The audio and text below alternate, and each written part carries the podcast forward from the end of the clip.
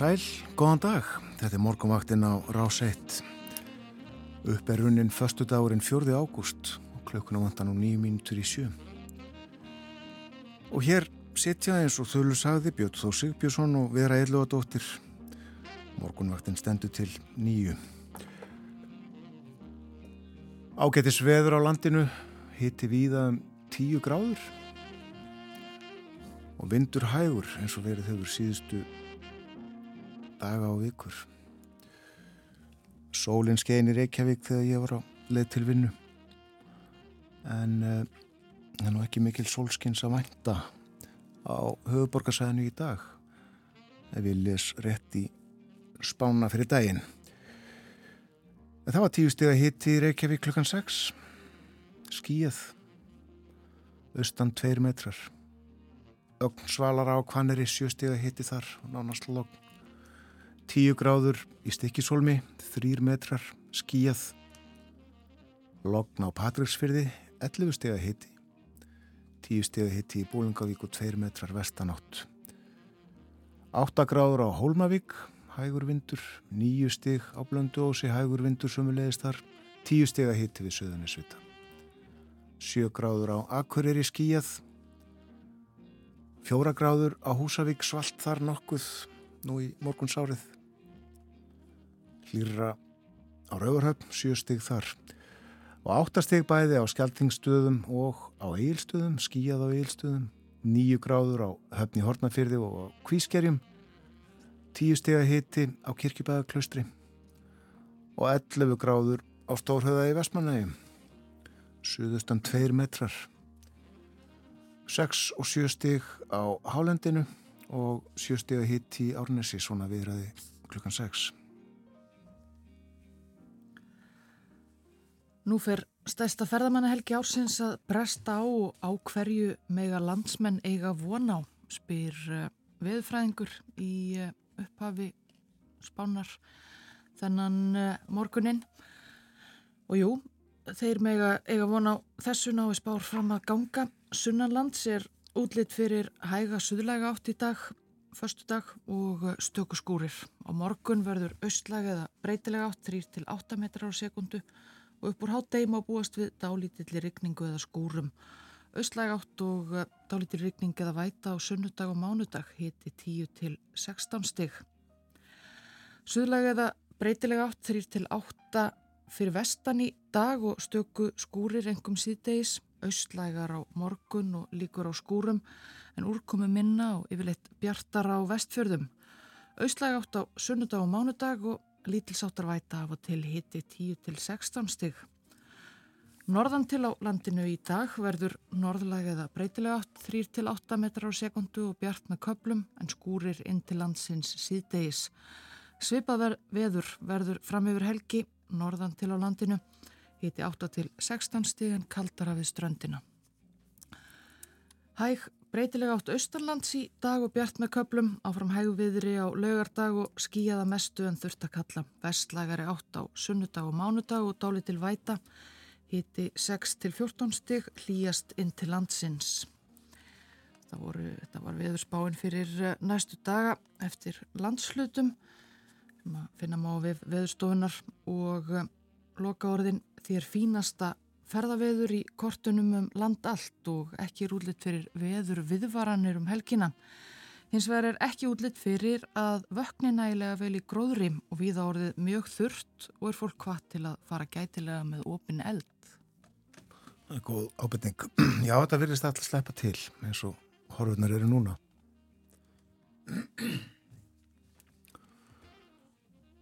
Mikinn reigleggur upp af gífnum við litlar hrút á Reykjaneska en uh, undir honum þykkum sé ég glitta í raut, rauð glóðandi hraun. En uh, þetta gós, uh, já eiginlega orðið ekki neitt neitt. Má ekki segja þetta sé rævill. Þetta er rævill. Komið á það stig. Það er ímislegt á dagskrá morgunvaktarinn er í dag. Við ætlum að tala um landa landabrugg Við erum líka um eiguna Korsíku í miðjarhafi og uh, svo ætlum við að fá ábendingar um gott lesefni fyrir helgina dagana eftir helgisósum líka. Förum betur yfir þetta eftir fréttinnar sem koma klukkan sjö eftir fjóra mínútur. Já, uh, tal og tónlistuðu þetta á morgunvaktinni þennan morgunin og við sitjum fyrsta lag þáttarins á stað. Já, það er Louis Armstrong. Hann fættist á þessum degi á 4. ágúst, það var 1901 og því skulum við hlusta á hann.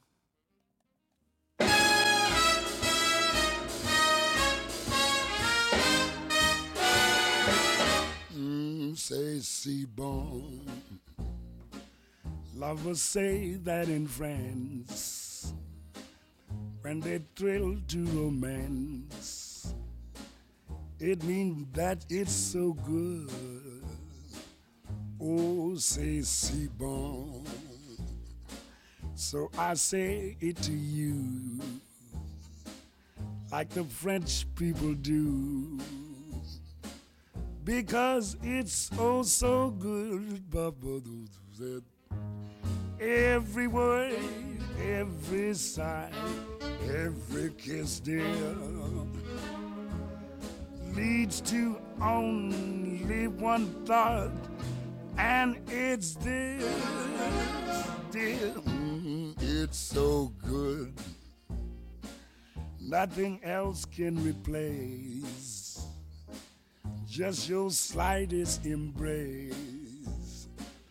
And if you only would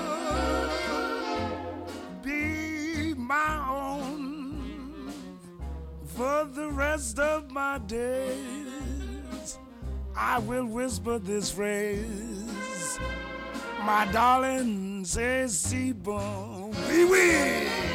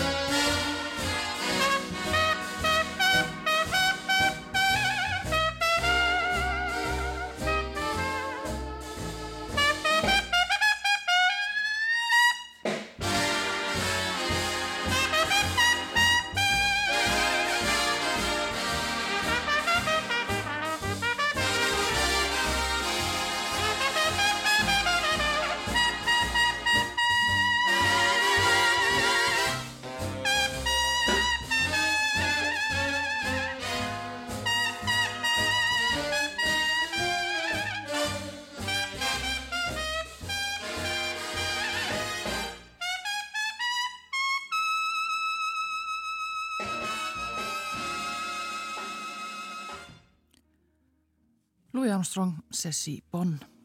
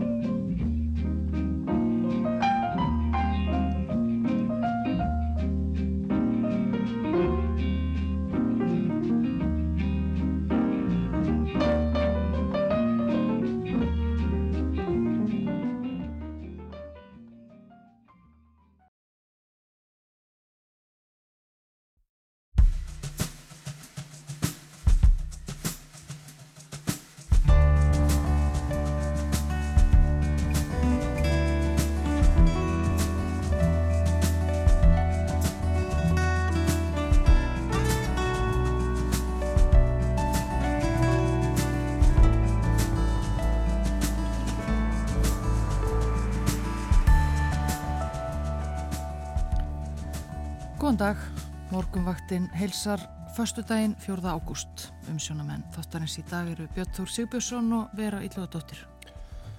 Verslunumannahelgin er framöndan og alls ekki óhugsandi að einhverjir fái sér aðeins í tanna.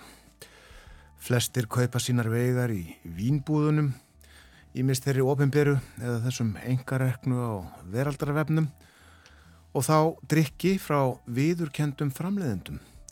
En öðruvísi háttaði til fyrir tæpri öld á bannarónum var heimagerður landi í glösum. Við dustum rikið að viðtölum sem Stefán Jónsson útvarsmaður átti við tvo landabrukkara á sjúunda áratug síðustu aldar. Kristján Sigurjónsson, rítstjóri Túrista, verður með okkur eftir morgunfréttinnar. Hann talar í dag frá Korsíku í miðjararhafinu. Þar fættist Napoleon Bonaparte fyrir rúmum 250 árum. Og svo spyrjum við hvað verður nú gott og gaman að lesa þessa dagana. Guttormur Þorstensson, bókavörður í Kringlu útibúi Borgarbókarsapsins. Hann verður hér á uh, í síðasta hluta þáttarins, rétt upp úr halv nýju og bendur okkur á bækur nýjar og gamlar sem tilvarlið er að lesa um helgina. Einhvern veginn svona verður morgunvaktin í dag en uh, við höfum yfir veðurhorfur dagsins fyrir fólk sem var að vakna. Það er spáð suðlægri eða breytilegri átt í eh, dag, 3-8 metrar á sekundu og allvíða skúrir, en yfirleitt þurftum landið norðaustanvert. Svipa veður á morgun en ívið úrkomi meira. Hiti 8 til 16 stygg, en salar hafið norður og austurströndina á morgun.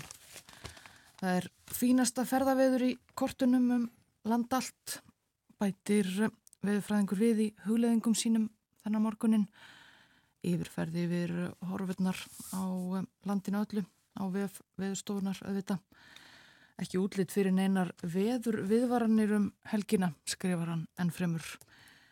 En ekki útlitt fyrir að vökni nægilega vel í gróðri og það er víða orðið mjög þurft fólk er því hvað til að fara gætilega með opin eld á ferðum sínum um landið um helgina.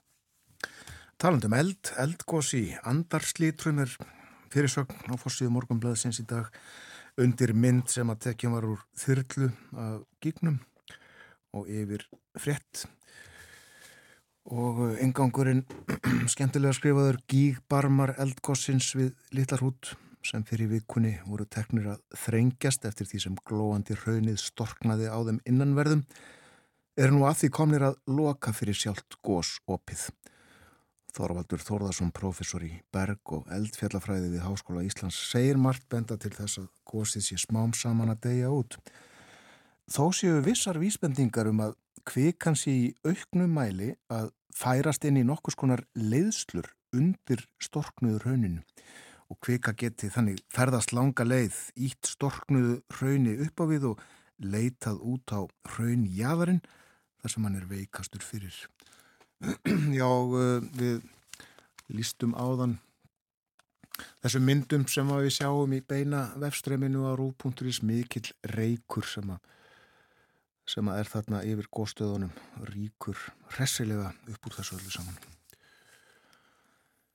Nú, uh, fleira á fórsíðu morgunblassins sagt frá góðu gengi Káa, knastbyrnufélags Akurirar í uh, Evrópukeppninni.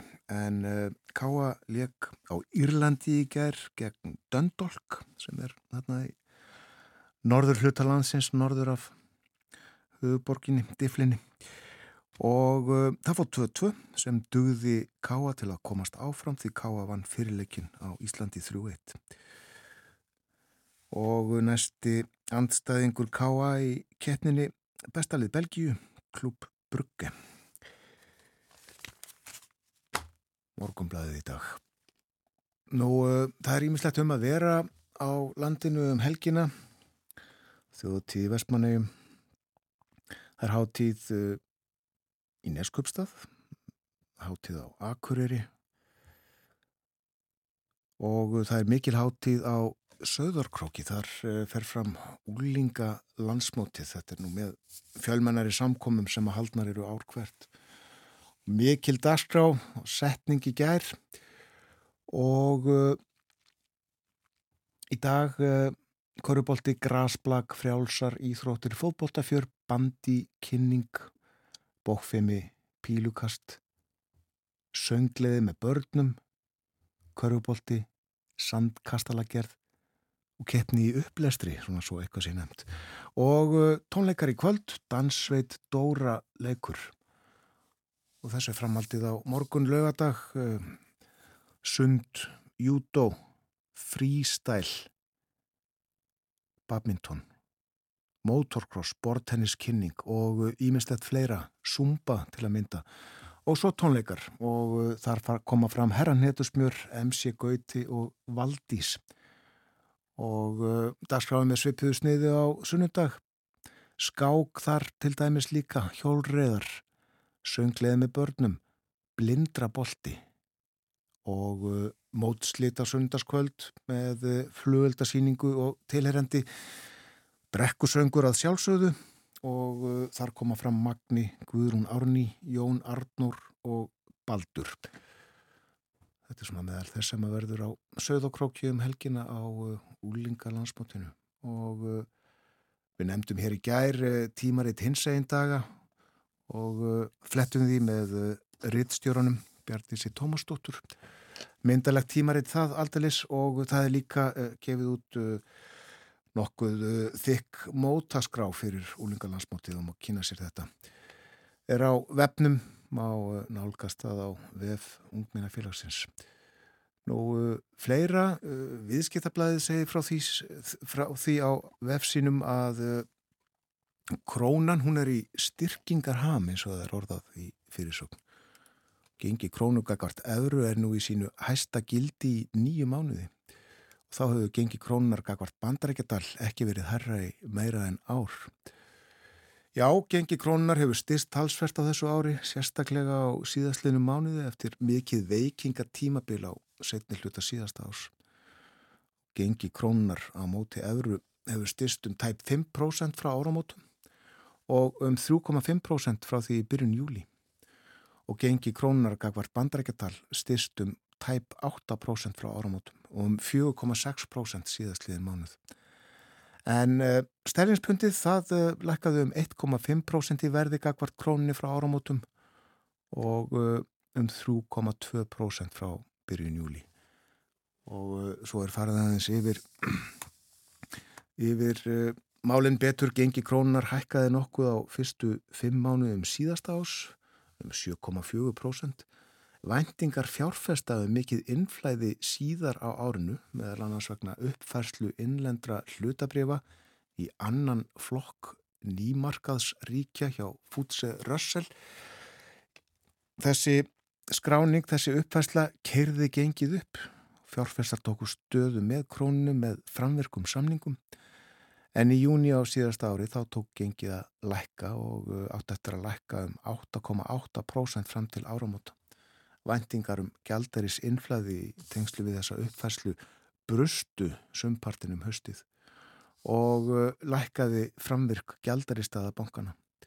Þá jógst viðskiptahallin verulega á höstmánuðum sem hafði einni áhrif á flæðið og þar með gengi krónar en uh, nú er samsagt öldin önnur, allt önnur. Þá satt það í frettónum hér áðan að uh, Guðni T.H. Jóhannesson hann uh, sækir vekken Bárujás hátíðina í Þýskalandi eh, heldur utan í dag eh, vera þekkið þú eitthvað til þessar hátíðar? Ekki mikið eh, nema það hefur, hefur reynd ákvæmlega mikið í ári eins og sagt hefur verið frá í fréttum sömu leiðis þannig að fórsetin er vonandi með stígvel meðferðis. Hann er með þau meðferðis hann greindi frá því viðtali við MBL í gerð en uh, í því Samtalið saðist hann sérstaklega spendur að sjá þessar fjóru íslensku hljómsveitir sem að koma fram á háttíðinni. Það eru Skálmöld, Solstafir, The Vintage Caravan og Crownest.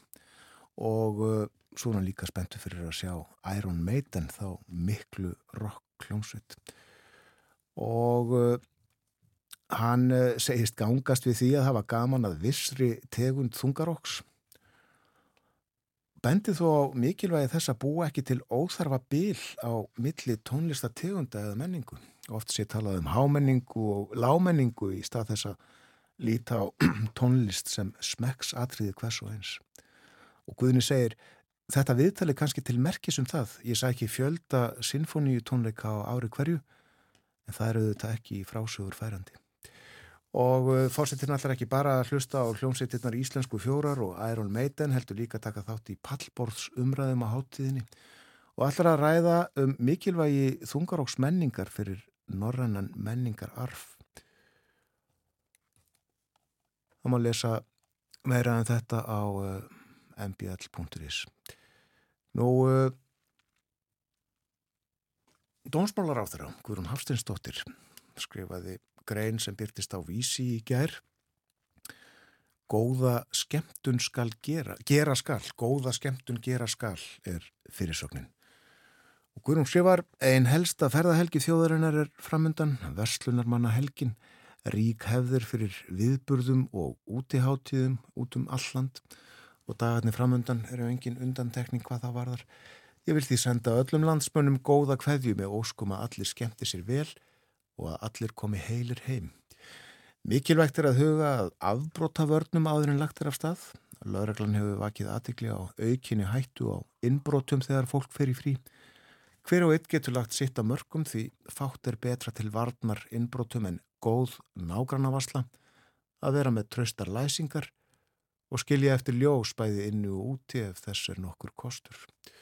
Öll viljum við eiga góða skemmtunum helgina og til þess að svo megi verða þurfum við að komast heilu og höldnu á áfangastað hvort sem við setjum stefnuna á þjóðháttíði eigum, neistaflug í nesköpstað, eina með öllu á akkurýri eða einfallega í sumabústað með fjölskyldu eða vinum í uppsveitum Suðurlands þá þarf að gefa sér nægan tíma og sleppa framúrakstri.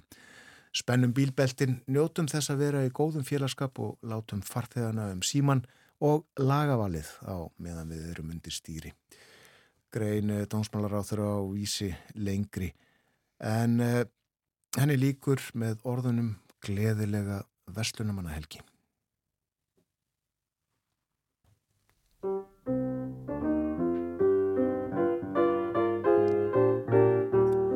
Er Magnús Pétursson sem að hér leikur á uh,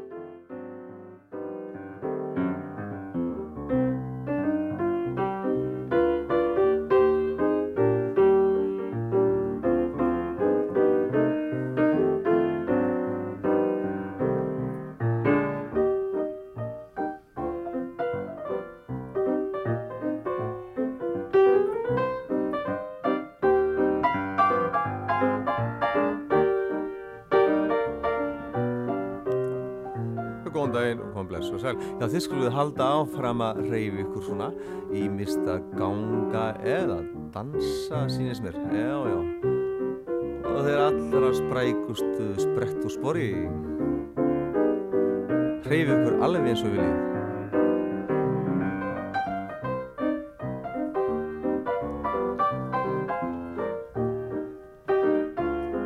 Þeir sem eru rólegir í tíðinni ganga bara með háum néliftum og vinstr og hær og einn og tveir og einn og tveir og einn og tveir og gott að sveibla höndunum með og einn og tveir og einn og tveir.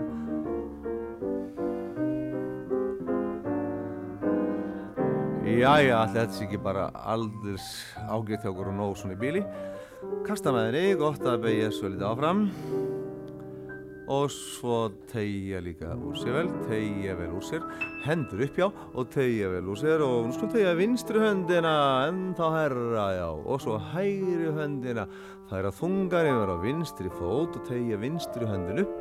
Og svo færa þungan yfir á hægri fótin og tegja hægri höndin upp Já, og svo svo við kreppa nefan og spenna vöðvana og svo beigjum okkur rólega áfram og gefum eftir í njánum. Slaka vel á örmum og halsvöðun, láta höfuð hanga og svo reysum okkur upp aftur. Já, og tegja hendur upp eins og þá. Svo láta armarna síga rólega, hendur síga rólega til hlýðar, svona niður til hlýðar, svona já, og svona stansa með hendur beint út frá aukslum. stansa með hendur beint út frá aukslum og tekna litlega hringi með höndunum, litlega hringi svona, já, þetta er ágætis axla styrking og svo beigja okkur áfram og slökum vel á.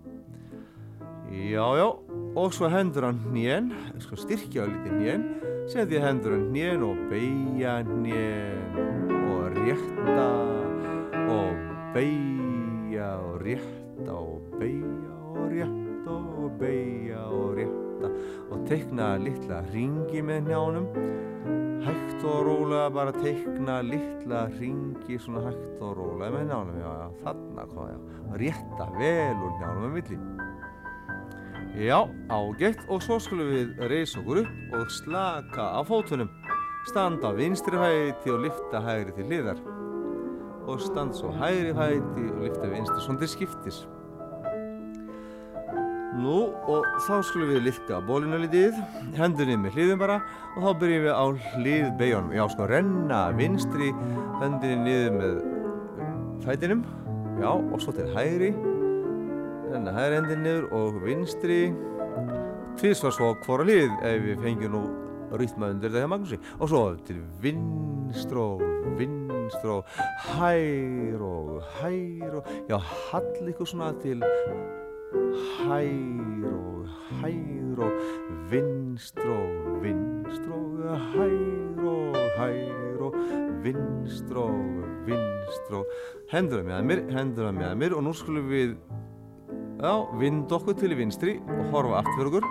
Það eru bólu vindurnar svo til hægri og svo tvísvar á hvora hlið. Láti olbúan koma vel aftur alltaf og svo til vinstr og vinstr og hær og hær og vinstr og vinstr og hær og hær Og svo framvegis og svo framvegis Valdimar Örnálsson og Magnús Pétursson í útasal öðru kórum megin við 1960 við grípum stundum í morgun leikvimina þeirra þegar mikið líku við þegar við erum svolítið styrð og þurfum kvartningu og leðbenningu til þess að liðka líkamann.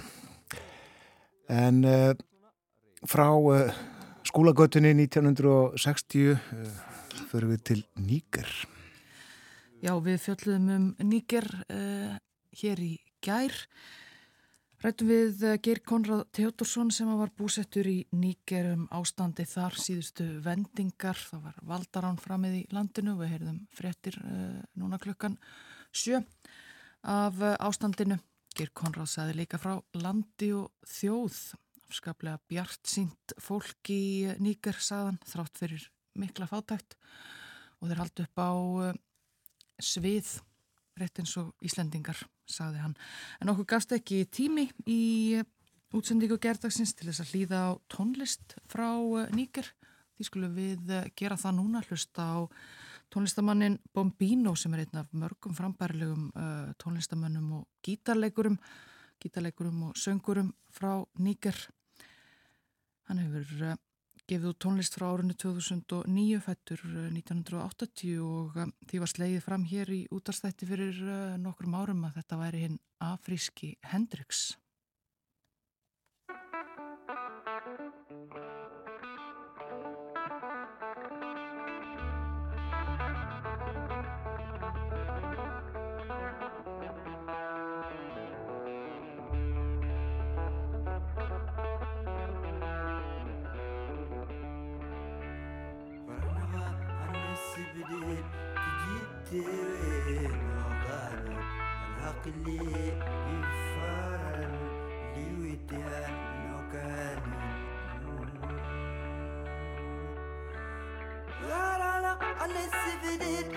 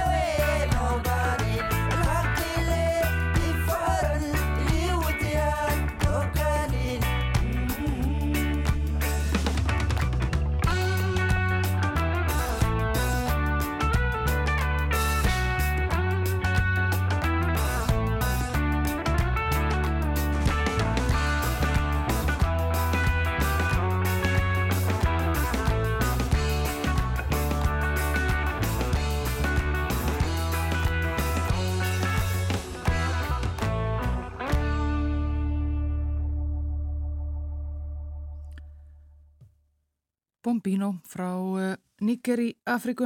Lægir heitir Ívara Nag sem að mun þýða við uh, verðum. Bombino syngur á Tamasek.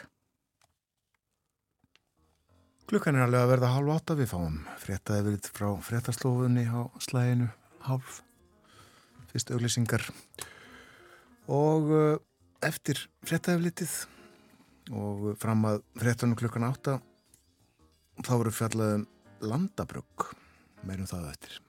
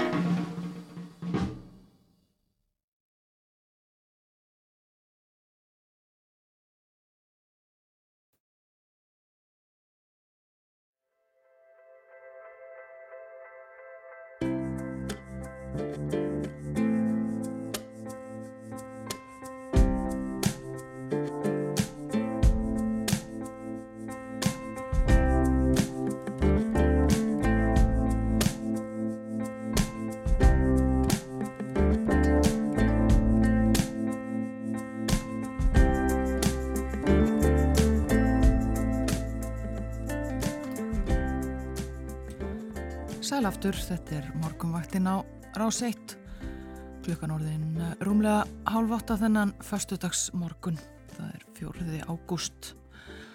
Og eh, rænum yfir veðurhorfurnar. Það er spáð suðlegri eða breytilegri átt í dag. Þrýr til 8 metrar á sekundu og all víða skúrir. En yfirleitt þurft um landið norðaustanvert. Hitti 8 til 16 stig Það verður svipa veður á morgun en í við úrkomu meira og svalara við norður og austurströndina á eh, morgun. En eh, ágætis ferðaveður í kortunum fullirir veðurstofan í dag og eh, næstu daga. Ferðaveður segur já og við að gerðin bendur á að búast með mikill umferðum helgina. Gætu því orðið tafir á álagspunktum og vegfærandur eru kvartið til að sína þólinnmæði og tillitsemi og aðeins lengri ferðatíma en venjulega góða ferð, segir vegagerðin. Og minnum við líka á uh, það sem að þeirra, Guðrún Hafstensdóttir sagði í, í uh, greininni á vísi í gær látið uh, farþegana í bílunum um símana og velja tónlistina. Og komin einbytti sér að akstrinum. Nú, uh, aðeins að ganni að stjörnusbáni fyrir afmælisbörn dagsins. Afmælisbörn dagsins eru ljón og uh, spáinn í morgunblæðinu er svona þér hættir til þess að sjá hlutina í svartkvítu, leiðu spilin að borðið og vittu hvað gerist. Eitthvað skemmtilegt er í uppsklingu. Og á vísi spáir Sigga Kling eins og hann er kvölduð og uh, ágúst spáinn fyrir ljónið er svona elsku ljónið mitt það er sko hægt að segja að lífið sé búið að vera alls konar hjá þér undarfærið og þá er það alltaf spurning á hvað þú horfir eða hvað þú tekur inn af þessu alls konar. Og uh, áfram heldur þú færð og hefur alla þá hjálp og aðstóð sem þú vilt hafa í kringum þig og syngdu bara þá vitund að skilja engan eftir ósáttan í kringum þig Þó að þú geti sínt fólki í tvo heimana sem á það jáfnvel svo sannlega skilið, skaltu alveg sleppa því. Framin er þeir mjög mikilvægur og kannski einum of. Og svo er hérna aðeins talað um ástina. Ástin er að byggja þig upp og ef þú ert að leita af þínum lífsförnutt, þá skaltu muna það að hleyp ekki inn í lífitt stressi og streytuvaldandi manneskjösi gæti gert þig vittlusan. Spáinn fyrir ámælisbörn dagsins stjórnusbáinn frá Siggu Kling á Vísi. Nú ég minni á það að uh, Kristján Sigurjónsson, reitt stjóri túrista verður með okkur eftir morgunfréttinar. Við ætlum að tala um uh, Korsíku, hann er statuð þar og uh, líka svolítið um frambúð á flugi til og frá landinu. En uh, það má geta þess að það koma 98 flugvilar til landsins í dag. 101 á morgun, 105 á sunnundaginn, það eru 106 sem lendu á keflaugur flugulli í gær.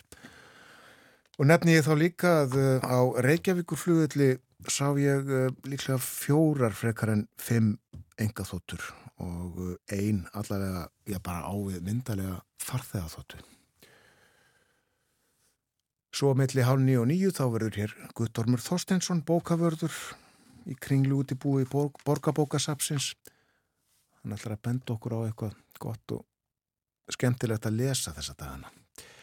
En uh, nú grömsum við í sapninu. Árið 1967 gerði Stefan Jónsson þáttum landabrugg á bann árunum.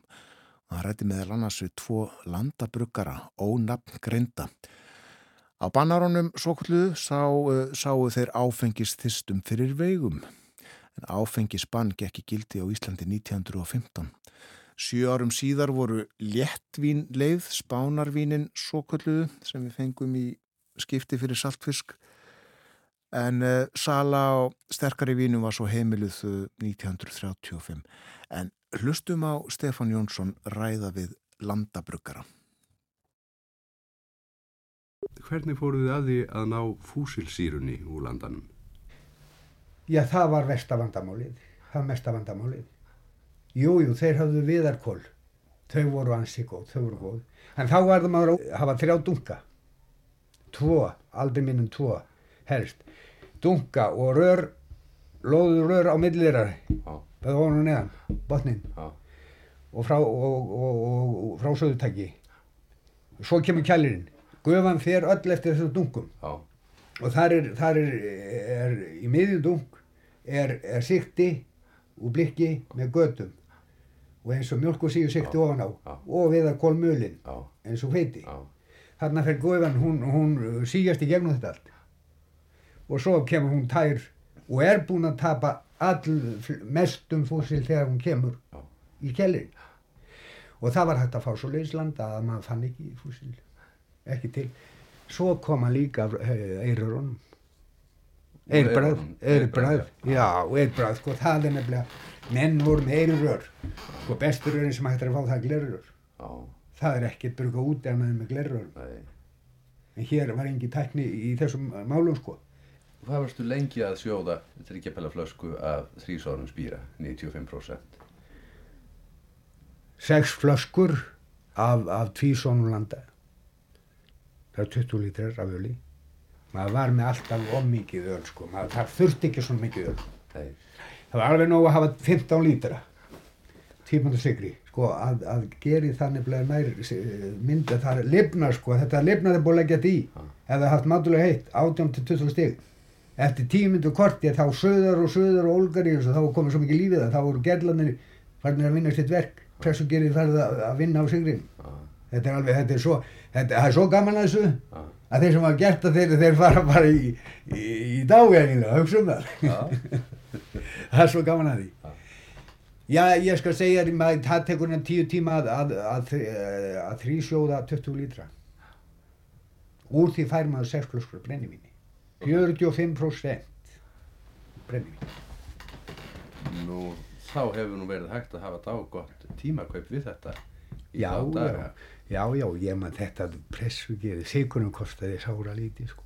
það var aðalega vinnan en þetta var engin, ekkert kaup sem borga var þá heldur Manstu hvenar þú laður í fyrsta sinn í? Ég var uh, 20 og eins. Og hvernig hefnaðist? Það var ekki gott.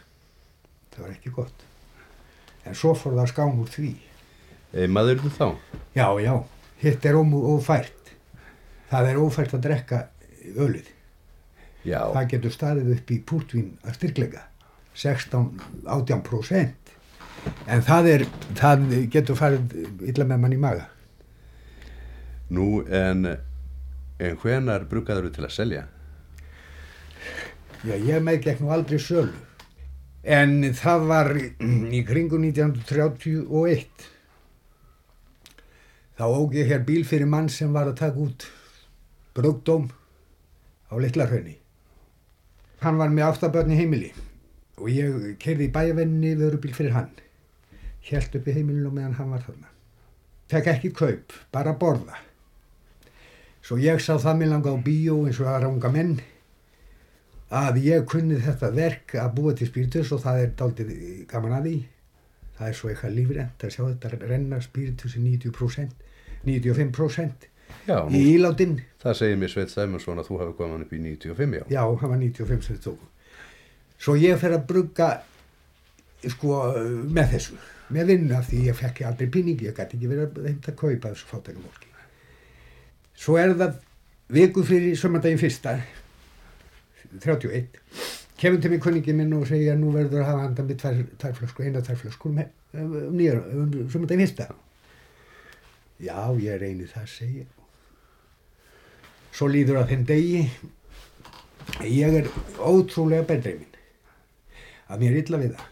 Mér dreymir það eina nóttina að ég hrabon í einhverja grifju og þegar ég líti upp og allar einu hvort upp úr henni þá sé ég dökklæta menn fyrir ofan mig. Og ég vissi náttúrulega hvað ég var að lögbrjóta og datt í hug. Er ég að falla? En annarkvort er það kæruleysi eða maður á ekki að redda sér kakvar draumum að ég held áfram og ég er að sjóða daginn fyrir frum og daginn fyrsta. Og maðurinn þessi hann alltaf banka viss högg þegar hann kemur til með millir trú og fjögur. Manstu það merki? ég man það verki já. Tvö þung og eitt létt. Svo er það millir fjögur og fimm hann var ekki kominn að þá er bankað. Allt öðru vísi bara eitt stutt fast bank og ég ans ekki. Ég er með hengda enska hú á hörðarhunum svo sæðist ekki inn til mín. Því ég var alltaf þessu að brugga þetta í herberginu mínu. En upp á lofti byggu hjón sem lifi í dag og mun eftir þessu öllu saman. Að ég heyra að frúin kemur fram. Nei, hann er nýfarin út. Hann er nýfarin út. Það er ekki satt þegar röddinn þá hugsa ég mér að ég er fallinn. Opna hörðin og segja gjör þið svo vel þá standa tveir uniforma lögurklónu fyrir utan. Nöfn vil ég ekki nefna en hefði nú haft gaman af því núna af því það var maður sem var hafstettur í lögurklónu sem var annar þeirra. Og það er ekkert með það að þeir segja nú þú ert að bara, þú ert bara að vinna verkið. Já hvað annars er ég? Já viltu hjálpa okkur að koma þessu fyrir ég segi nei ég er sagborningurinn og ég hjálp ekki til þess að láta taka mig. Meira en ég er búin að ég, ég hlýta að hafa komið upp um einhvern veginn. Já þú ert nú alltaf hortu og segir annar þeirra. Já ég get ómúlega verið að hjálpa okkur til þess að taka þetta frá mér. Ég var með fimm pott af, af, af þrýstónu spýra og mér langar til þess að láta hann ekki fara í hendunar á þeim. Og ég ætla að opna gluggan og henda brúsanum út hafa gleibrúsi en þá sé ég um leiðu að opna gluggan kíkja svo nefnir uh, gluggasjötun og þá sé ég hvað laurugur þjótt er í bílnum fyrir utan. Svo það var ekki hægt því að hann hefði lengt jafnvel á bílnum. Nú það er þetta ekkert með það. Ég er tekið að þessum hábjartan dag sko fullt af fólki að horfa á þegar við að taka græjurnar og berða þær út. Svo var ég kefið på skólastinn nýju og ég var það í tvo sólaringa Og hefur ekki þurft á játninga að halda? þurft engi jafn þetta, var- þetta var sanna mál sko. Já. Ég sagðist aldrei hafa ekki selt vín sko ég bara gaf það kunningum mínum. En, en dóm fekk ég mikinn. Þú veist svona sekt fyrir svona smá, smá hlut. Það var Núna? mikill penningu þá. Þúsund kallinn Já. og 15 dagar fangelsi. Það var auk. Þurftur að afplána það? ég gat borgað sko en mest okkur helmingin að því strax en ég saði bara ég þekkti ekki þannig á litla hraunni en mér var sagt þetta væri bara eins og að vera á herragarði og ég saði bara allt í lagi ég skal bara fara austur á morgun eða viljið við fór viku setna og keirið þar bíl fyrir hælið og það var ágætt. Hvað varstu þá lengi þar? ég var 21 og halvan dag að taka þetta helvít út já. Stefán Jónsson ræti við ónefndan landabruggara 1967 og hann talaði við annan. Og þann kynnti Stefán til leiks sem langfrægasta íslenska bruggaran. Hvenar lærðir þú að brugga? Já, ég var nú hérna heima strákur því ég fór að fykta við þetta.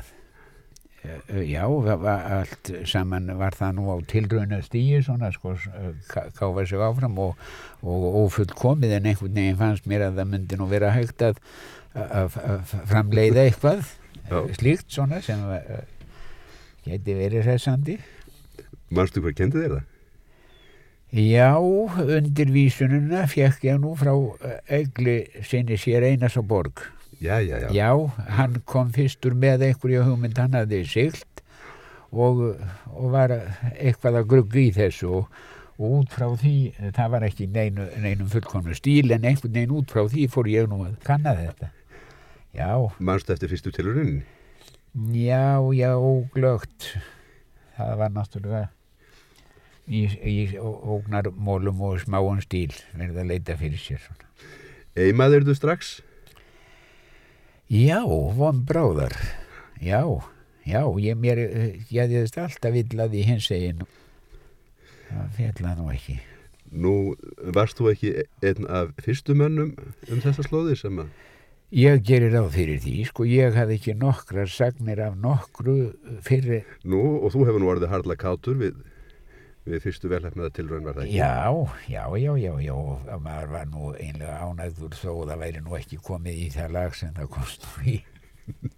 Sérna, Nei, ekki að vera svoleiðis alveg eftir sótt vara, vitt, vitt um land. nú, snemma hafa nú aðrir fengið að njóta góðs af þessu með þér. það var nú bara aðeins vildar vinir svona sem gáttu aðeins haft hugmyndum að, að, í gegnum það að, að, að ég bauði þeim kannski resingu, Svo er það ekki fyrir löngu sérna. ekki fyrir löngu seinna sko, þegar það var einlega komið á fullkomið stig sko.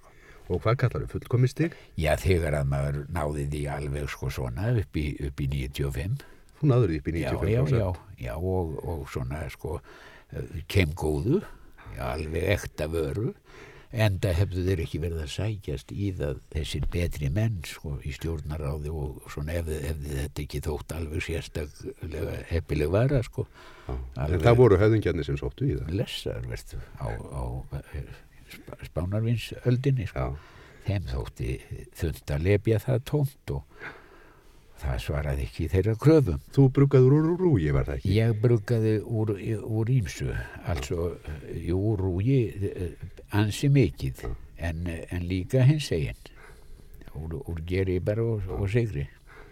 En hvað var best? Mér fannst það nú einna handhægast og best, sko, eftir að fóra fást hérna þetta brennivins ger, sko, ekki pressugerið eins og var nú notað mikið fyrst. Nú, hvað fjegstu mikið af 95% sterkum spiritus úr kílóinu af sigrinu? Já, því er ég nú búin að gleyma. Já, En þetta hafa hlutlausa. síður verið hagstæð efnaskipti sem urðu þarna. er, já, já, náttúrulega, það er högst að efnaskipti. Maður fekk nú kannski ekki nema eins og 20 potta af svona spiritus úr 200 potta uh, upplægi. Hvað lagður þið í mest í einu, heldur? Já, það var nú svona ekki e, e, yfir svona þrjár, þrjár tunnur, eh, 200 potta tunnur svona. Nú varð þessi landi við frægur um, um Gjörvald Frón. Hann var það, já, já, já, já. Já, og meira að segja það var nú svo skrítið að þetta var uh, nú útflutningsvara en náttúrulega í smáum stíl. Já, já, já, já, Og hvern- náttúrulega af einhver, helvítis ræln og fykti, sko, einhverjir landar sem að höfðu þetta með sér út, sko, svona. Hvað heldur það að við komist upp í að framleiða mikið á ári? Ég held, uh, hafði ekkert bókald yfir það. En þú varst nappaður. Já, já, ættur og ættur og borgað alltaf, sko, já, já. Hven, hvenær varstu nappaður fyrst? Ef að það maður ég ekki, Nei. ég var komin austur þá, Hvert austur? austur í Flóa, Já. ég var þar í 13 ár. Það var þar sem eh, öll æfintýrin skeðu. Hverjir, hverjir voru þá helstu þefarar á Íslandi? Hverjir? Það var Björn Já. Blöndal Já. sem frekt Jú, jú. samanber speilmyndir og gamlar og yfirslega. En hvernig faldir þið versmiðuna? Já, það var nú aldeilis örðu nú, var nú að neyti ímsra bragða, nöksin og jörðin gemdu það best. Já. Já, já, já. Stundum uh, kannski var maður að hlaða því í veggi, kænlega, þannig að uh, sást engin, engin mismið á vegnum. En ég vissi að, að það þurfti ekki annað en taka einn stein sem passaði í hleðsluna til þess að, að, að, gæti komið úr kranan. Á því flöskuðu þeir, sko, þeir fundu það aldrei út. Nú kom fyrir að þið leituðu hjá þér annars að finna þó nóg væri fyrir. Já, já, já, já, veistu, æjón æ. Eh, og, og hefði aldrei fundið ef að það hefði ekki verið einn uh, þrjótur sem að hjá mér var sko sem að, sem að komst að lendardómnum og, og þeir náðu í hann sko Já. En annars hefði þeir aldrei fundið það út til dæmis það sem var uh, falið undir uh, stríðöldun reyðhesti sko. Í húsi. Í húsi Já, já, en það var, það var undir heimur þar sko og hann töluverður? Já, nóg til þess að geima uh, þunnur með, með því sem var í lögun sko. og hann eh, mjög óaðgengilegur hesturinn sko alveg svona hjörvittlaus og sprengalinn. Já, já, já, já. Svo það datt öngum í hug sko. þar undir hann. En ekki eh, leist honum á það þegar ég segi svona heyrðu Björn minn ég vorkenni þeir að ganga allega þessa leið því að þeir eru að skilja bílinn eftir einhverstað í anskotanum vestur í, á, eh, ég vil, eh, nú lána þér fóla eh, skömmina þarna se- segju. Mér fannst svo sem ekkit gera til þó fólinn færi að sprikla eitthvað undir honum óþægilega en hann hafði vita á því að þykja það ekki. En ég vissi nú að Björn var nú ekki alltaf mikill reyðmaður og, og ég að hafa svolítið gaman af já, sjá hann ríðúlari og vildi vinna það til að mér væri sárt um fólan helvítis. Varstu þá búin að nota þessa undirheima lengi? Já, já, já. Já, já, já. En var nú ekki alltaf hægt á því að, að þeir sem keftu að þeir vísuð á?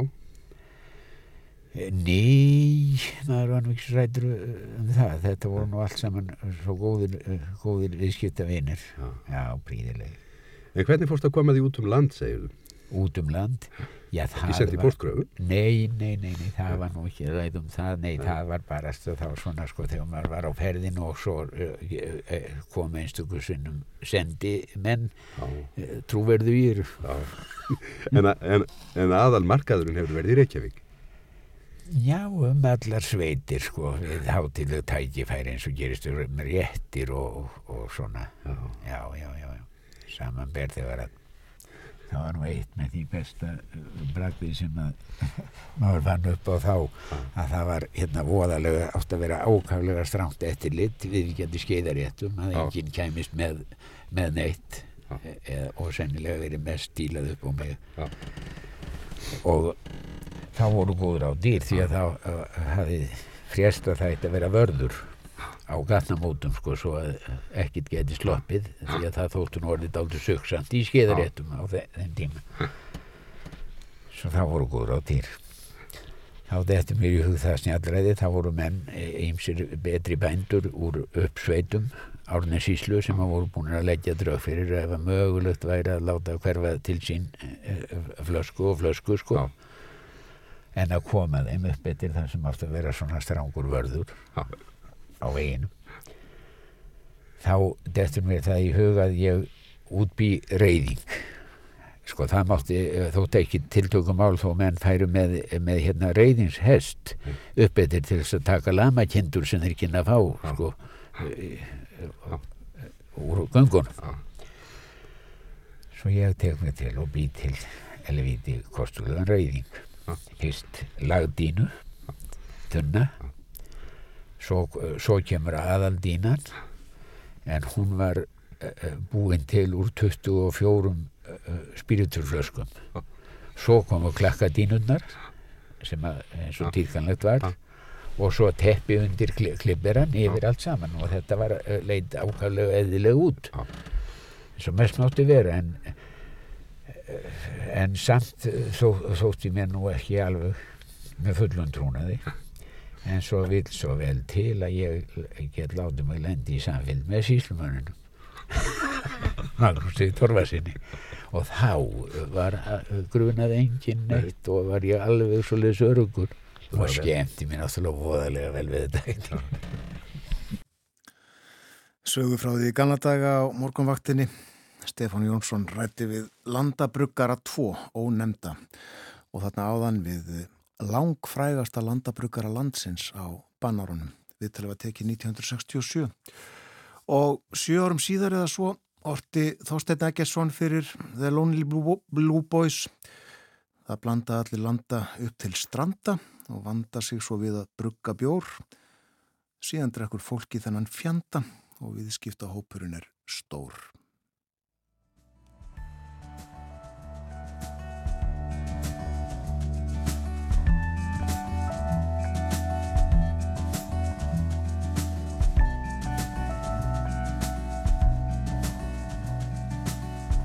Framöndan eru fréttirnar, fyrst auglisingar og eftir fréttir ætlum við að spjalla um ferðamál, ferðalög og eiguna Korsíkum. Það er Kristján Sigurjónsson, reitt stjóri túristastatur.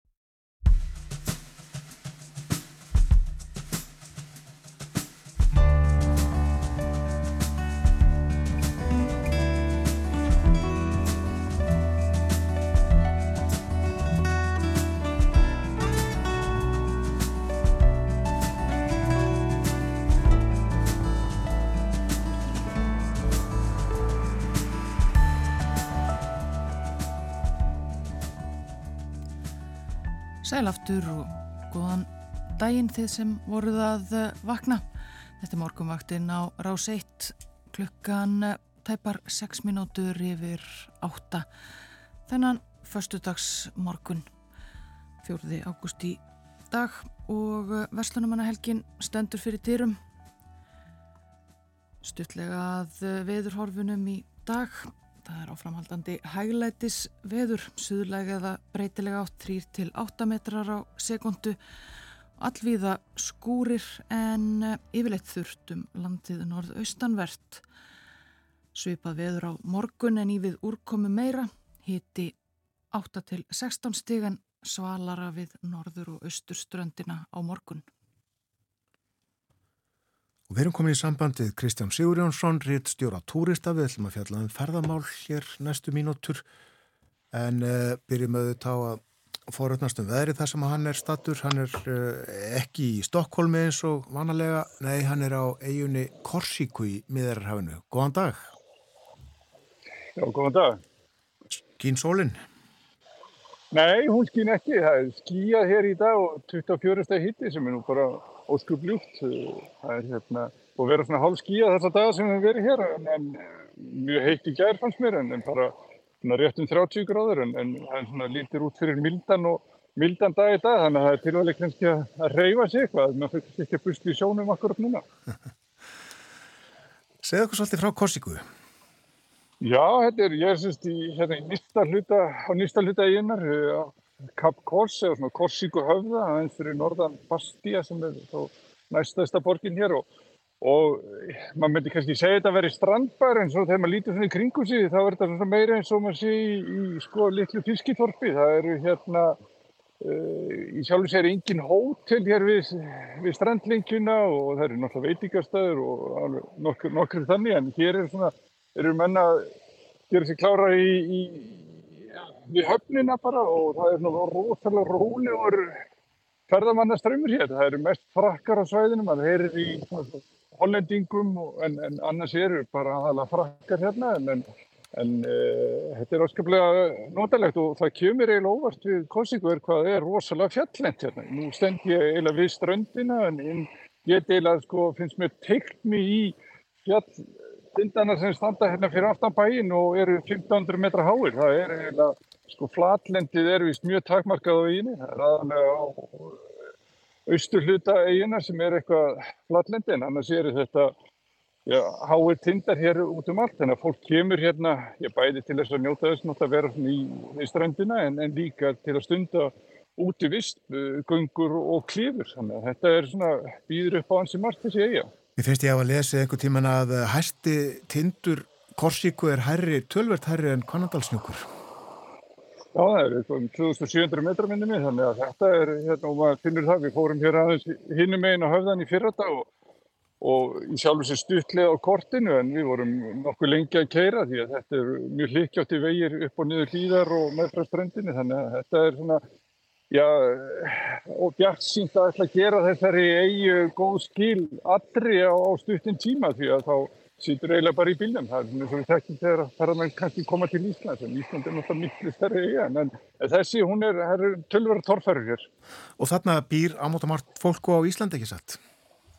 Jú, mikið rétt og, og ferðarmannaströymurinn svona samkvæmt tölunum álíka mikill, svona um 2,5 miljón ferðarmanna en, en ég er svona ennþá eftir að sjá alla þessa ferðarmenn. Ég hef allavega ekki verið varfið á. Við vorum í Bastia í gær og þar var líka frekar rólegt og meðal annars við söfn og svona, svona þekktustu stöðunum í, í miðborginni þá voru, voru í sjálf sér ekkert svo margir á ferli en, en svo er það á vestuströndinni að þar er svona eins og skandinaviska ferðarskristóður er nú með einhverju hópferði þangað og, og svona, svona klassiska strandferði þannig að þar eru nú fleiri ferðamenn og á þvíska hluta eiginar þar eru nú svona kannski þeir staðir sem svona já, oftast eru nefndir í ferðarpressunni þegar kemur á Korsíku en, en hérna Nist er, er, er í sjálfu sér svolítið merkild að upplifa hvað það er rólegt og, og fáið ferðamenn og mjög notalega svona tilbreyting verði að segja.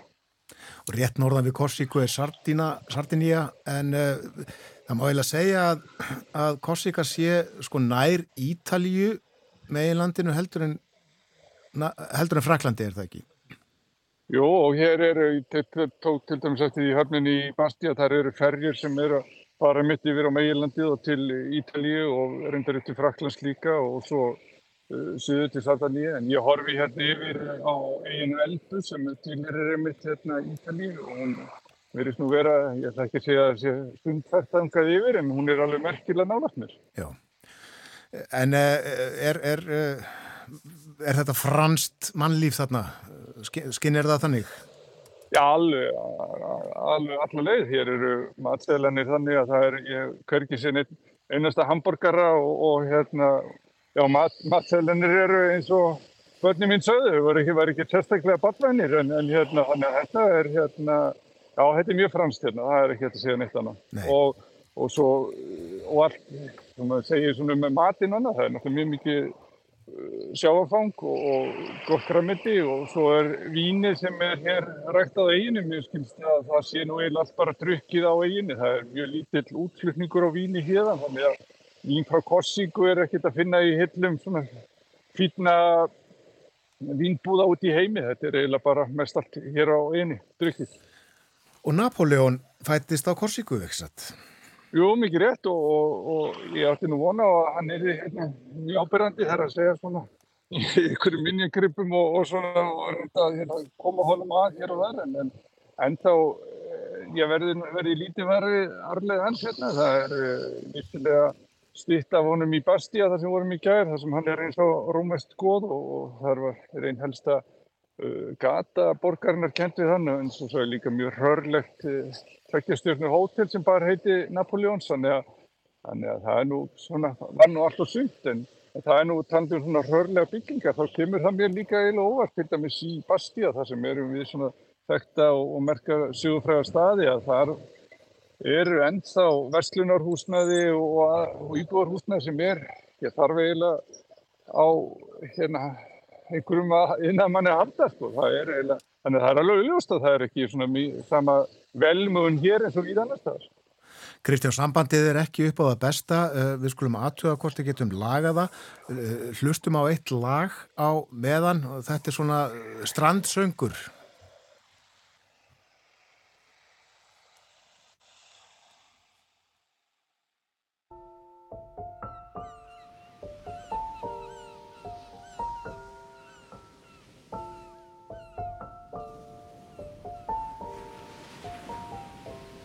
Moi, ce que j'aime, c'est me balader sur la plage. Un peu d'air, l'eau jusqu'aux pieds, sans nuages.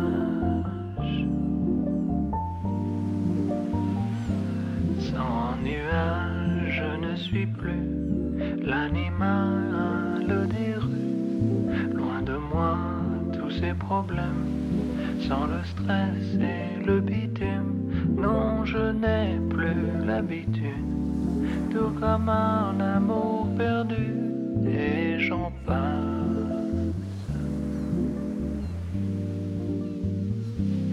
Moi, ce que j'aime, c'est me balader. Sur la plage. Un peu d'air, l'eau jusqu'aux pieds, sans nuages.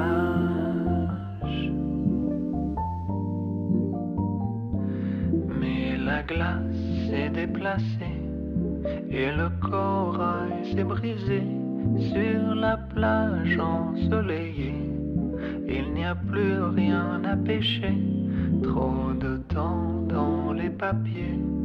Et j'en pleure en plein été sur la plage ensoleillée. Il n'y a plus rien à pêcher sur la plage ensoleillée. Il n'y a plus rien à pêcher sur la plage ensoleillée. Il n'y a plus rien à sur la plage ensoleillée.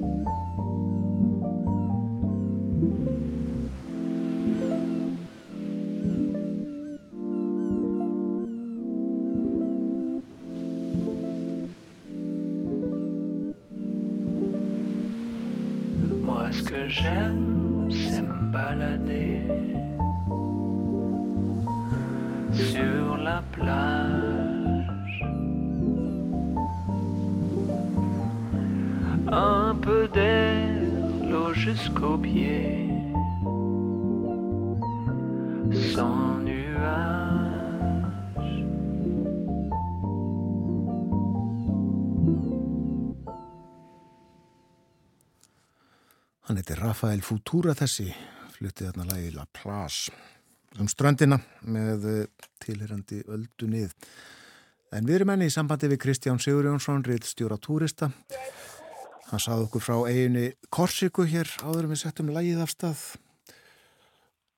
Lífinu og tilverunni þar. En eh, Kristján, við ætlum að eh, spjalla um eh, allar þessar flugvilar sem að koma til landsins og fljúa frá því líka við erum komið til Íslands þar að segja. Og uh, þetta er mikið frambóð og uh, þegar frambóð er orðið mikið, jáfnvel mjög mikið þá er stundum stutt í off-frambóð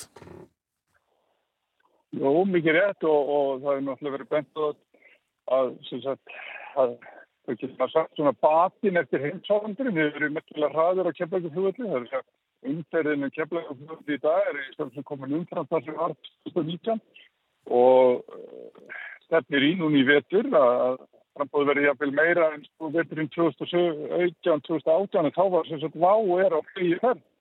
Og þetta hafa til til stjórnendur æslum betænt á að að það sé svona ákveðin teikna lofti varðandi sérstaklega veturinn að verið það er svona mjög mikið frambóð sem dræði nýður kannski að flugfæðana og við sjáum sko að þrátt fyrir að sé reikna með mjög góðum árangri og afkominum sumar að þá séu svona eru, eru horfinar ekki eins bjartar fyrir til dæmis síðasta fjörðung ásins og, og, og svo fyrir næsta ás og, og fórstur Æslandi ebendir á að þetta sem mikla frambóttum er verið einu skýringum þess að við afkoma íslensku flugfélag með ekki alveg að við sjáum þetta í heimi. Það er Æslandi eru vissilega að skila miklum hagnaði og, og hérna, meiri tekjur en á sama tíma fyrir ílöfn tíma.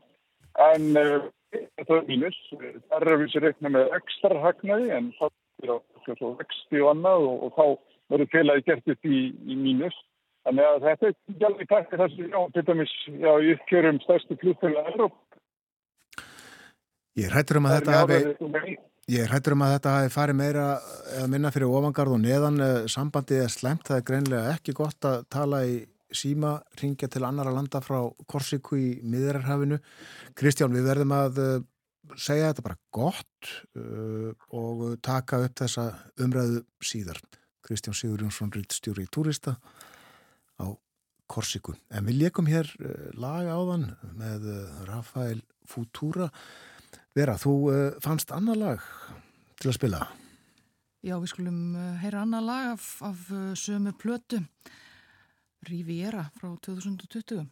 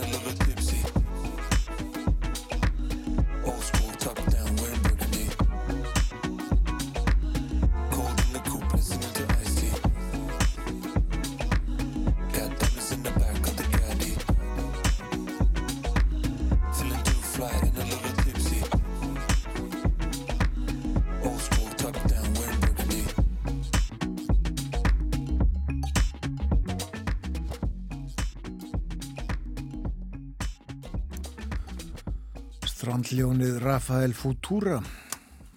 Leik hér annar lag eh, áðan var hann á ströndinu og hann var þarna viðan líka eh, í þessu lagi heyrðist okkur drefti á ístegi eða hvað? Já, hljómaði þannig. Rappað á bæði fransku og önsku Riviera. Við höfum hér á morgunvaktinni síðustu daga og vikur fylgst með hensmestramótinni í fótbolta sem framfer í Ástralíu og Nýja Sjálandi verið leikið daglega frá því að uh, fyrsti leikurinn hófst. En uh, breyting í dag, ekkert spilað í dag, en 16 liða úrslitin hefjast á morgun. Tveir leikir fara fram næstu fjóra daga. Tveir á morgun, það er tveir á sunnundag og uh, sama er að segja um ánda á þrjúdag. Og uh, á morgun þá leika Sviss og Spott og Japan og Noregur og á sunnundag Holland og Suður Afrika og Svíþjóð og Bandaríkin. Og á mándaginn England og Nigeria og Ástralíja og Danmörk. Og lokaleikirnir í 16 liða úslitunum fara fram á þriðudag þá eigast við Kolumbíja og Jamaica og svo Frakland og Marokko og uh, áttalega úslitin hef ég svo á förstu dag litla HM hornið þér á morgunvaktinni.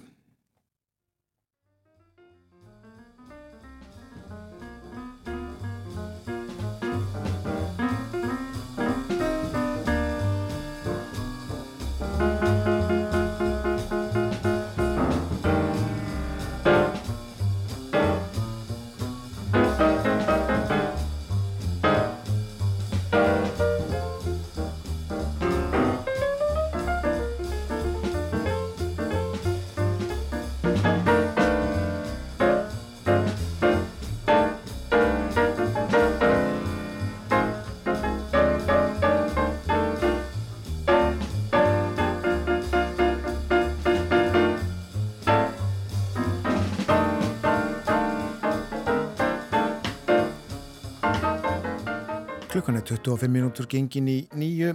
Við fáum frettæðiflit eftir 5 mínútur. Heyrum fyrst auglisingar og eftir frettæðiflitið verður Guttormur Þorsteinsson hjá okkur. Hann er bókavörður á kringlusafni Borgabókasafsins. Hann ætlar að benda okkur á eitthvað sniðu til þess að lesa um helgina og okkur svo sem dagana eftir hanna líka.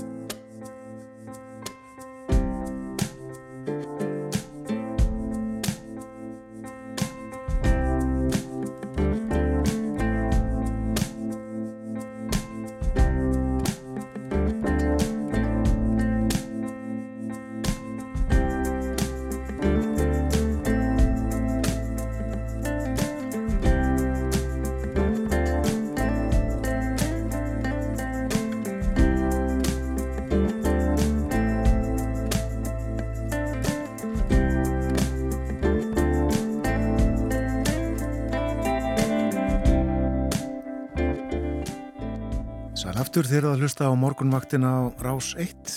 Hér sitja Björn Þó Sigbjörnsson og Vera Ellagadóttir. Framundan síðast í hluti þáttanins þennan morgunin.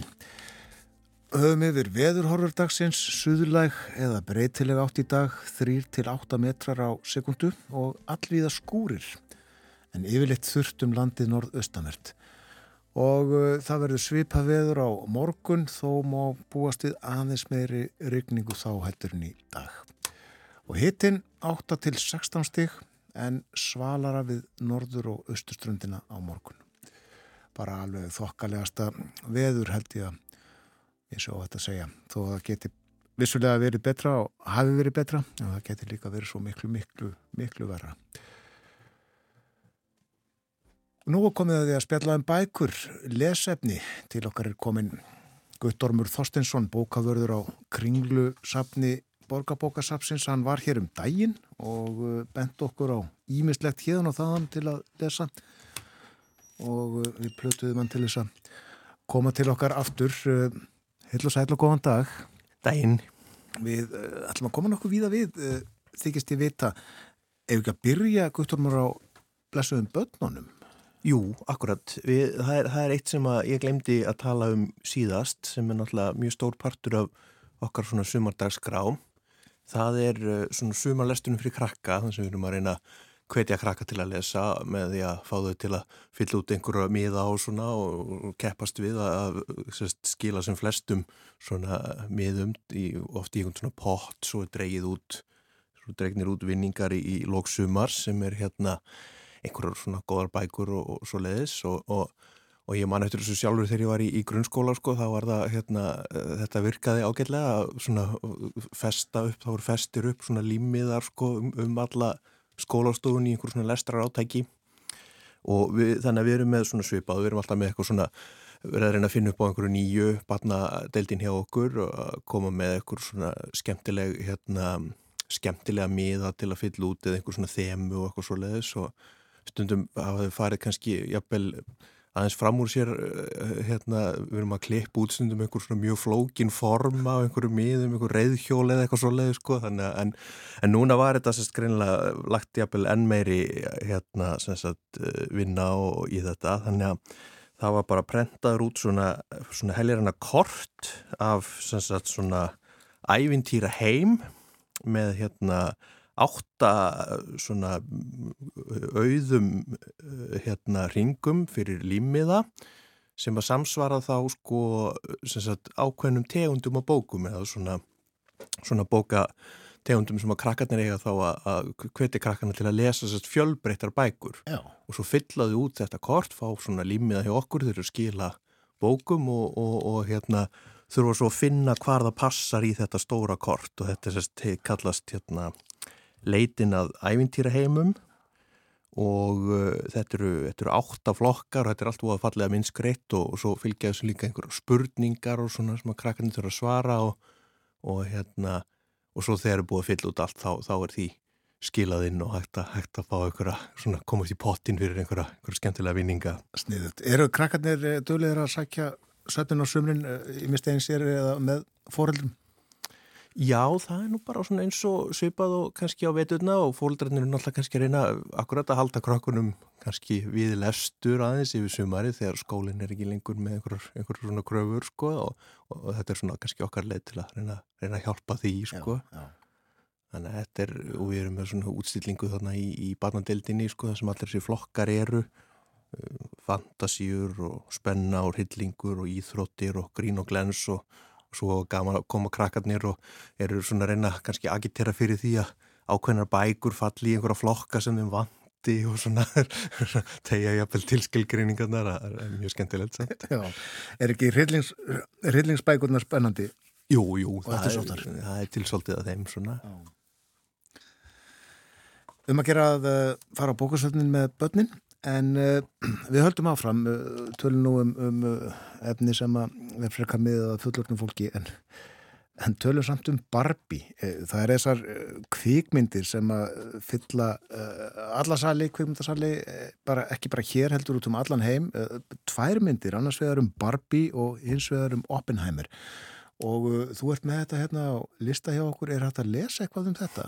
Já, sko við, við höfum svolítið gaman að því að- reyna svona að vera með puttar á púlsinum og þetta stundum koma bara svona hugmyndir að einhverjum svona útstillingum bara alveg einhvern veginn já, bara sækjum þá í, í svona dagumenninguna og það sem er að gerast. Þannig að samstagskona mín, hún, hún vildi endilega hérna við svona færum inn í þetta, þetta trend sem hefur verið að, að hérna splæsa saman þessum tveimur mjög ólíku bíómyndum og búa til eitthvað svona kontrast. Þannig að, þannig að hún teiknaði upp uh, plaggat sem er svona skipt sko í Barbie og, og, og hérna Oppenheimer og, og svo erum við með svona stóra útstillingu fyrir framann sem er það annars uh, hérna, sem að, tengist á báðum myndum og, og þá er svona kontrast þar, það er hérna, það er ykkur svona aðalega bleikar bækur Barbie megin og svo kannski einhver svona eftir að, eftir að, eftir að hérna, eftir einhverju voru búin að sjá myndina þá gáttu þau svona aðeins líka aðlagað bókakostin betur að efninu, ég veit ekki séðan sjálfur en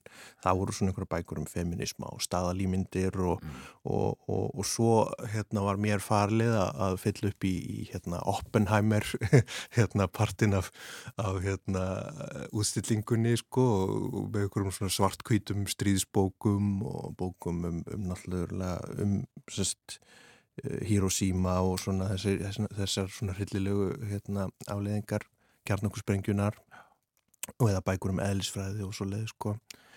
Og, og hérna ég fór að svona akkurat velta fyrir mér hvað, hvað maður geti tekið, já akkurat einhverja eðlisfræði og sögu stríðsins og svona og, og hérna rakst á til dæmis á, á leikrit sem að nú mjög, passar mjög inn í þetta sem heitir uh, Copenhagen eftir Michael Frayn og við erum akkurat með leikritadildina þannig í, í, sagt, í, í kringlunni þannig að, að geta nefna það. En það er sérst leikrit sem fjallar um svona þegar Werner Heisenberg hittir Niels Bohr í miðri setni heimstyrjöldinni.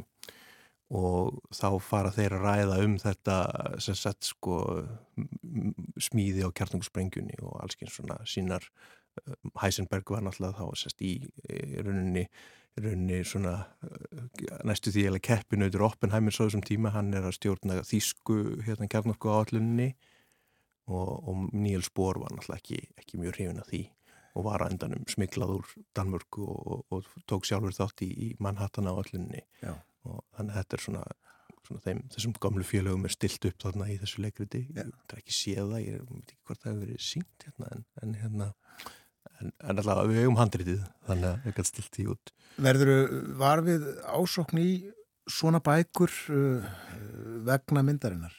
Já, nú kannski, ég veit nú ekki hversu mikið maður sem að fylgjast með hvort að útstillingarnar eru að, eitthvað að fara út sko, það, það er eitthvað að farið út sko, en, en, en kannski við höfum kannski ekki þurft að fylla mjög margar bækur á. Þetta getur stundu verið svona kannski meira svona fyrir okkur jafnvel skemmtun sko en, en, en það er samt, þú veist, jafnvel þá, þá að fólk taki ekki bókinu þá erum við alltaf búin að svona smá vekja aðtekli á samkostinum Já, hann kannski næst eða þar næst Já, já, og, og það var eitthvað sem fór út það fór út svolítið af, af eðlisfræði bókum og svona mm. Og svo við fjöllum um fleira sem að hefur verið svona á, á döfinni og í deglu uh, Gustarum biskupin sem, sem að efast um, um umbóð biskups eða hvað að tala um það?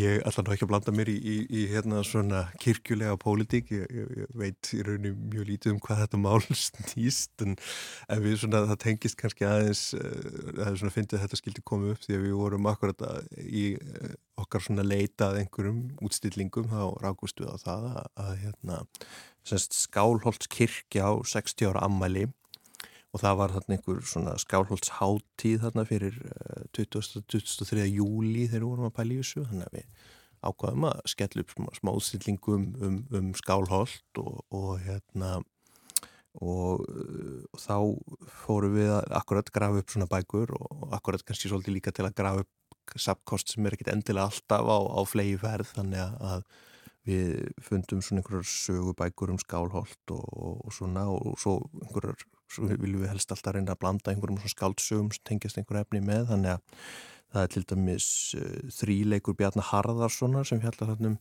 síðustu daga skálholts biskupstæmis átjándu öld og, og hérna uh, og svo er saga Ragnar Brynjólfsdóttur uh, sem er hérna var náttúrulega breytt gert, gert hérna ópera eftir nýlega en, en náttúrulega líka hérna skaldsa eftir Guðmund Kampan og, og hún fór út og, og svo, svo er hérna eitt, eitt verk sem við eigum hérna í, í, í fræðibókunum sem er hérna í flokknum 718 sem eru þá greinilega bækur um, um kirkjur sem er hérna marg, margra tugabinda verkum semst fríðar kirkjur á Íslandi.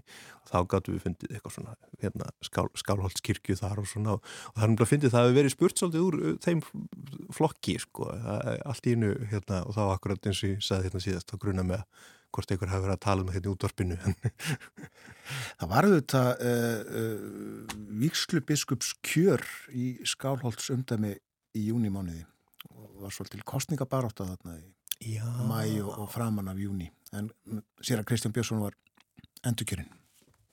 Kanski tengist það eitthvað. Gæti verið, gæti verið Nú fer fram heimsmeistarakeppnin í fótbolta í Ástralju og Nýjasjálfandi. Erum við með marga höfunda þaðan í, hillum borgarbókarsvarsins? Ég verði náttúrulega með fótboltabækur svolítið og þær eru náttúrulega líka mjög vinsælar hjá krökkunum, svona bækur um fótboltamenn, þú veist, bækur um stelpunar okkar og, og, og svona þessi stóru nöfni í hérna evróska fótboltanum og það er nú hérna Yllu Jökulsson alltaf búin að vera sterkur þar með allskins bækur og, og hérna, það er oft spurt eftir þeim og það er endar líka partur af sumalesturs átæki eru sest bækur um íþróttir þannig að, að það er verið tekið út svolítið og, en, en svo hérna já, svo veit ég nú ekki það, það, við eigum ekkert rosa mikið samt af kannski bókum í kringlunni. Ég var að leita aðeins að þessu hvort við getum búið til eitthvað skemmtir útstillingu um kannski svona um fótbolta, maður stundum heyrta þetta er náttúrulega mikill nördaskapur, fólk að, fólk að tala um allskyns einhverjum svona hérna, þekki fólk sem er að lesa allskyns einhverjum fótboltabækur og svona, þetta er kannski þetta er svolítið mikið bara svona æfisögur fótboltamanna hjá okkur og svo er flokkur vissulega um, um íþróttir og þar er einn svona einn dóðrandur sem að væri nú kannski að glukka í núna, það er hérna saga hvenna landslýsins, stelpunar okkar og, og hérna, þannig að það er, alveg, það er alltaf til einhverja bækur sko. en, en ég er svo, ég, svo er ég ekki mikil sportisti sjálfur, en ég er ekki alveg kannski ekki alveg rétti maðurinn til, a, til að mæla með. Nei, og veist kannski ekki mikið um ástrálska eða nýsjálandska rittöfunda? Uh, já, get, þá get ég nú öruglega grafið upp, það er náttúrulega tenging sem við höfum átt að hafa frekar, það er, það er nú öruglega Uh, nú, núna myndi ég fara í hérna, tölvuna og, og setja inn ástrálskar bókmentir af því að mitt eftir ekki neitt í huga á, á Raðbergi en, en hérna, það er öruglega til eitthvað Er allur gangur á því hvort fólk uh, kemur bara og, og hérna, er að ná sér í einhverja tiltekna bók eða, eða bók eftir einhver tiltekin höfund eða það, kemur það einn kannski bara með opin huga og er til í að skoða og leita? Já, það eru bæði, bæði alveg mjög klassíst, sko, annars vegar kemur einhver inn og leira að leita einhverju mjög ákveðinni bók, þó við munum svo kannski ekki nákvæmlega titilinn eða höfundin eða útgefanda eða eitthvað svo leið, sko, þá er það, þá er það svona smá rannsóknarstarfsemi sem að í gegn og það getur alltaf verið mjög gaman, sérstaklega ef þetta er eitthvað svona mjög, hérna, eitthvað svolítið sérhæft og, og, og eða samt eitthvað svona sem að kannast við og einhvern veginn grefstögnun hérna aftast í hausnum, sko, þá getur maður farið í svona, hérna, rannsónalegangur sem er skemmtilegt og svo er það sem að mér alltaf þykir og kannski aðeins erfiðar að þegar kemur einhver sem er búin að lesa hálf bókasafni og er, já, nú er ég að leita mér einhver skemmtilegri bók og svo þarf maður að fara að krifja hverju þinn bókmyndasmekkur, hvað hefur þið lesið einhvern veginn og hverju á ég að þóra mæla við svona hérna kræfendi hérna, uh, lesanda, sko, en, en þá þarf maður að finna eitthvað líka. Akkurat. Lýsingar á bókunum uh, hjálpa uh, kápunar auðvitað og svo kannski líka bara spennandi titill.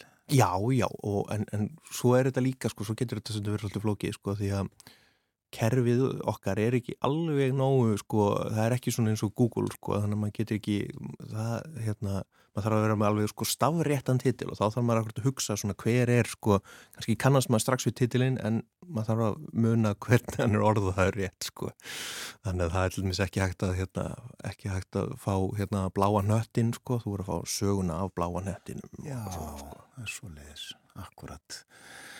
Vestlunumanna helgin er framöndan en um aðra helgi uh, þá er gleðigangan og hins egin dagar hefjast bara strax á, á þriðudag, miðugudag held ég uh, er, er sótt í hins egin bókmættir eins og það eru kallaðar?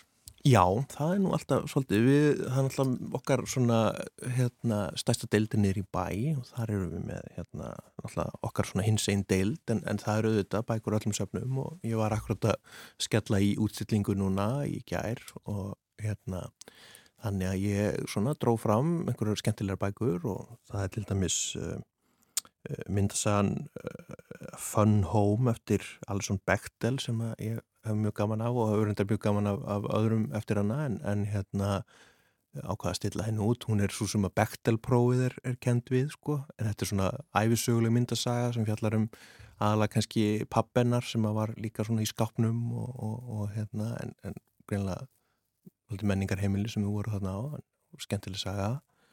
Uh, og svo eru fleiri myndasögur eins og, eins og hérna Kvár eftir Elias Rúna sem fjallar um svona kynseginleikan og smá svona svona kynning á þessu fyrir fólk sem að kannski uh, ágætt að grípa með og kynna sér.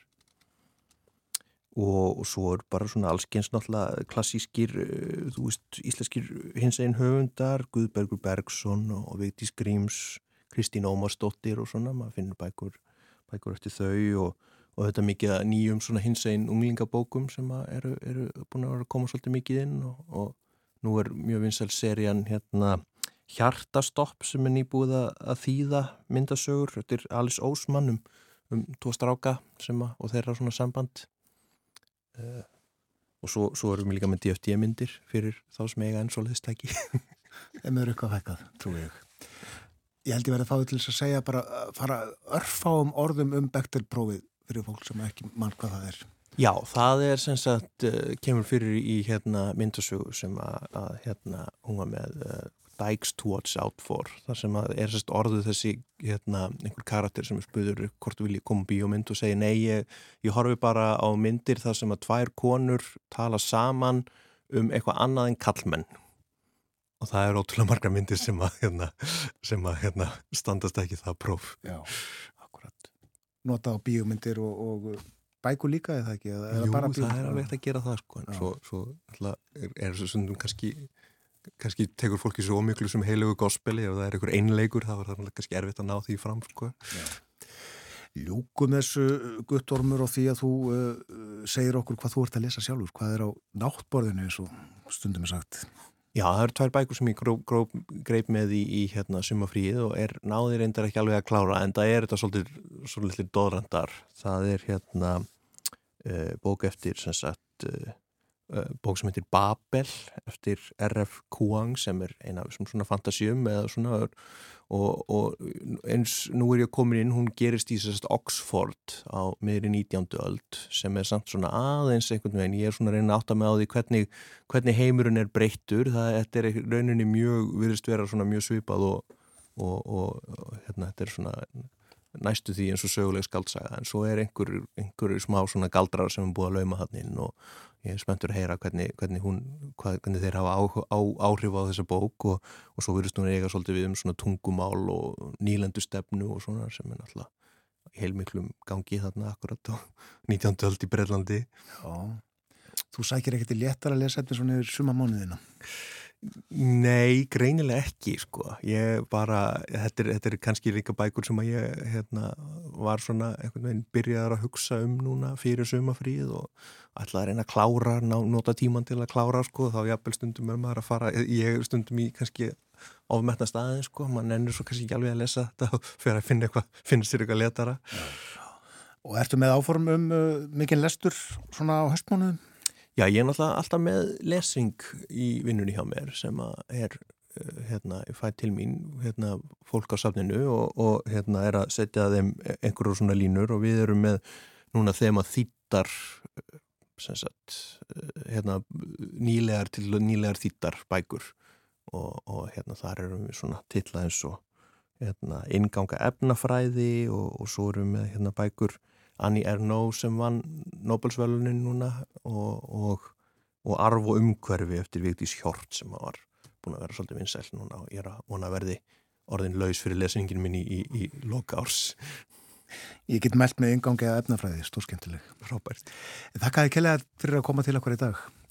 Guttormur Þorsteinsson, bókavörður á Kringlusafni Borgabókasapsins, hann uh, bent okkur á ímislegt foröldilegt til að lesa. Takk fyrir.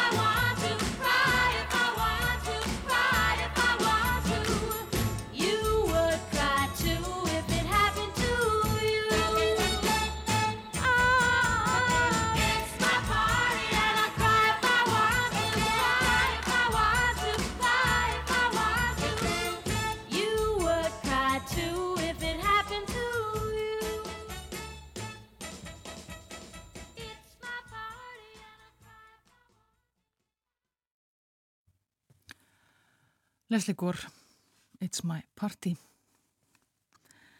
Við vorum að ræða um bækur við Guttorm Þorstinsson, bókavörð á uh, Kringlusafni, Borgabókasaps, um ímislegt uh, lesefni og uh, það sem er að segði á safninu um þessar myndir, útstillingar og lestur batna í sumar og fleira. Hér á líka svolítið talað um Korsíku eiguna í miðrarhafinu og um landabrugg. Við dustuðum Ríkjaða viðtali Stefáns Jónssonar við tvo ónemnda landabruggara frá árinu 1967. Það er komið á lokum morgumvaktarinnar í dag. Við tökum okkur frí yfir helgina, verðum hér aftur á þriðudaginn, þökkum samfélgina í dag og múnum að þið njóti dagsins. Verðið sæl.